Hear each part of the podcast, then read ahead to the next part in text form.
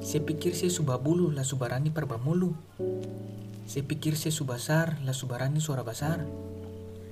Saya pikir mama dan papa su tua lah subarani malondon dua. Saya pikir saya susah dapat buju lah saya mulai kas unjuk kepala batu dan maraju. Ika orang tatua mau tuh susah kan? Sampai saya mesti bikin muka bangka. Mama cuma suruh saya kuliah. Kenapa saya mesti marah? Suka saya ongkos. Kenapa saya mesti bolos? Saya mau jadi jongos. Memang saya dan orang tatua beda zaman. Beda zaman, beda juga pemikiran. Kalau dulu pendidikan jadi jaminan, sekarang teknologi yang ambil peran. Dulu PNS yang jaya, yang lain maraya. Mar sekarang coba lihat, sarjana banyak-banyak, mar pengangguran saja.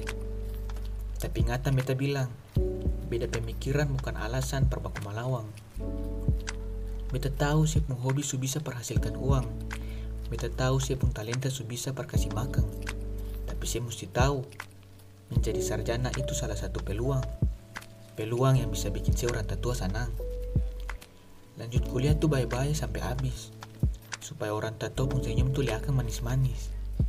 Jangan stop di tengah jalan, baru bikin dong menangis.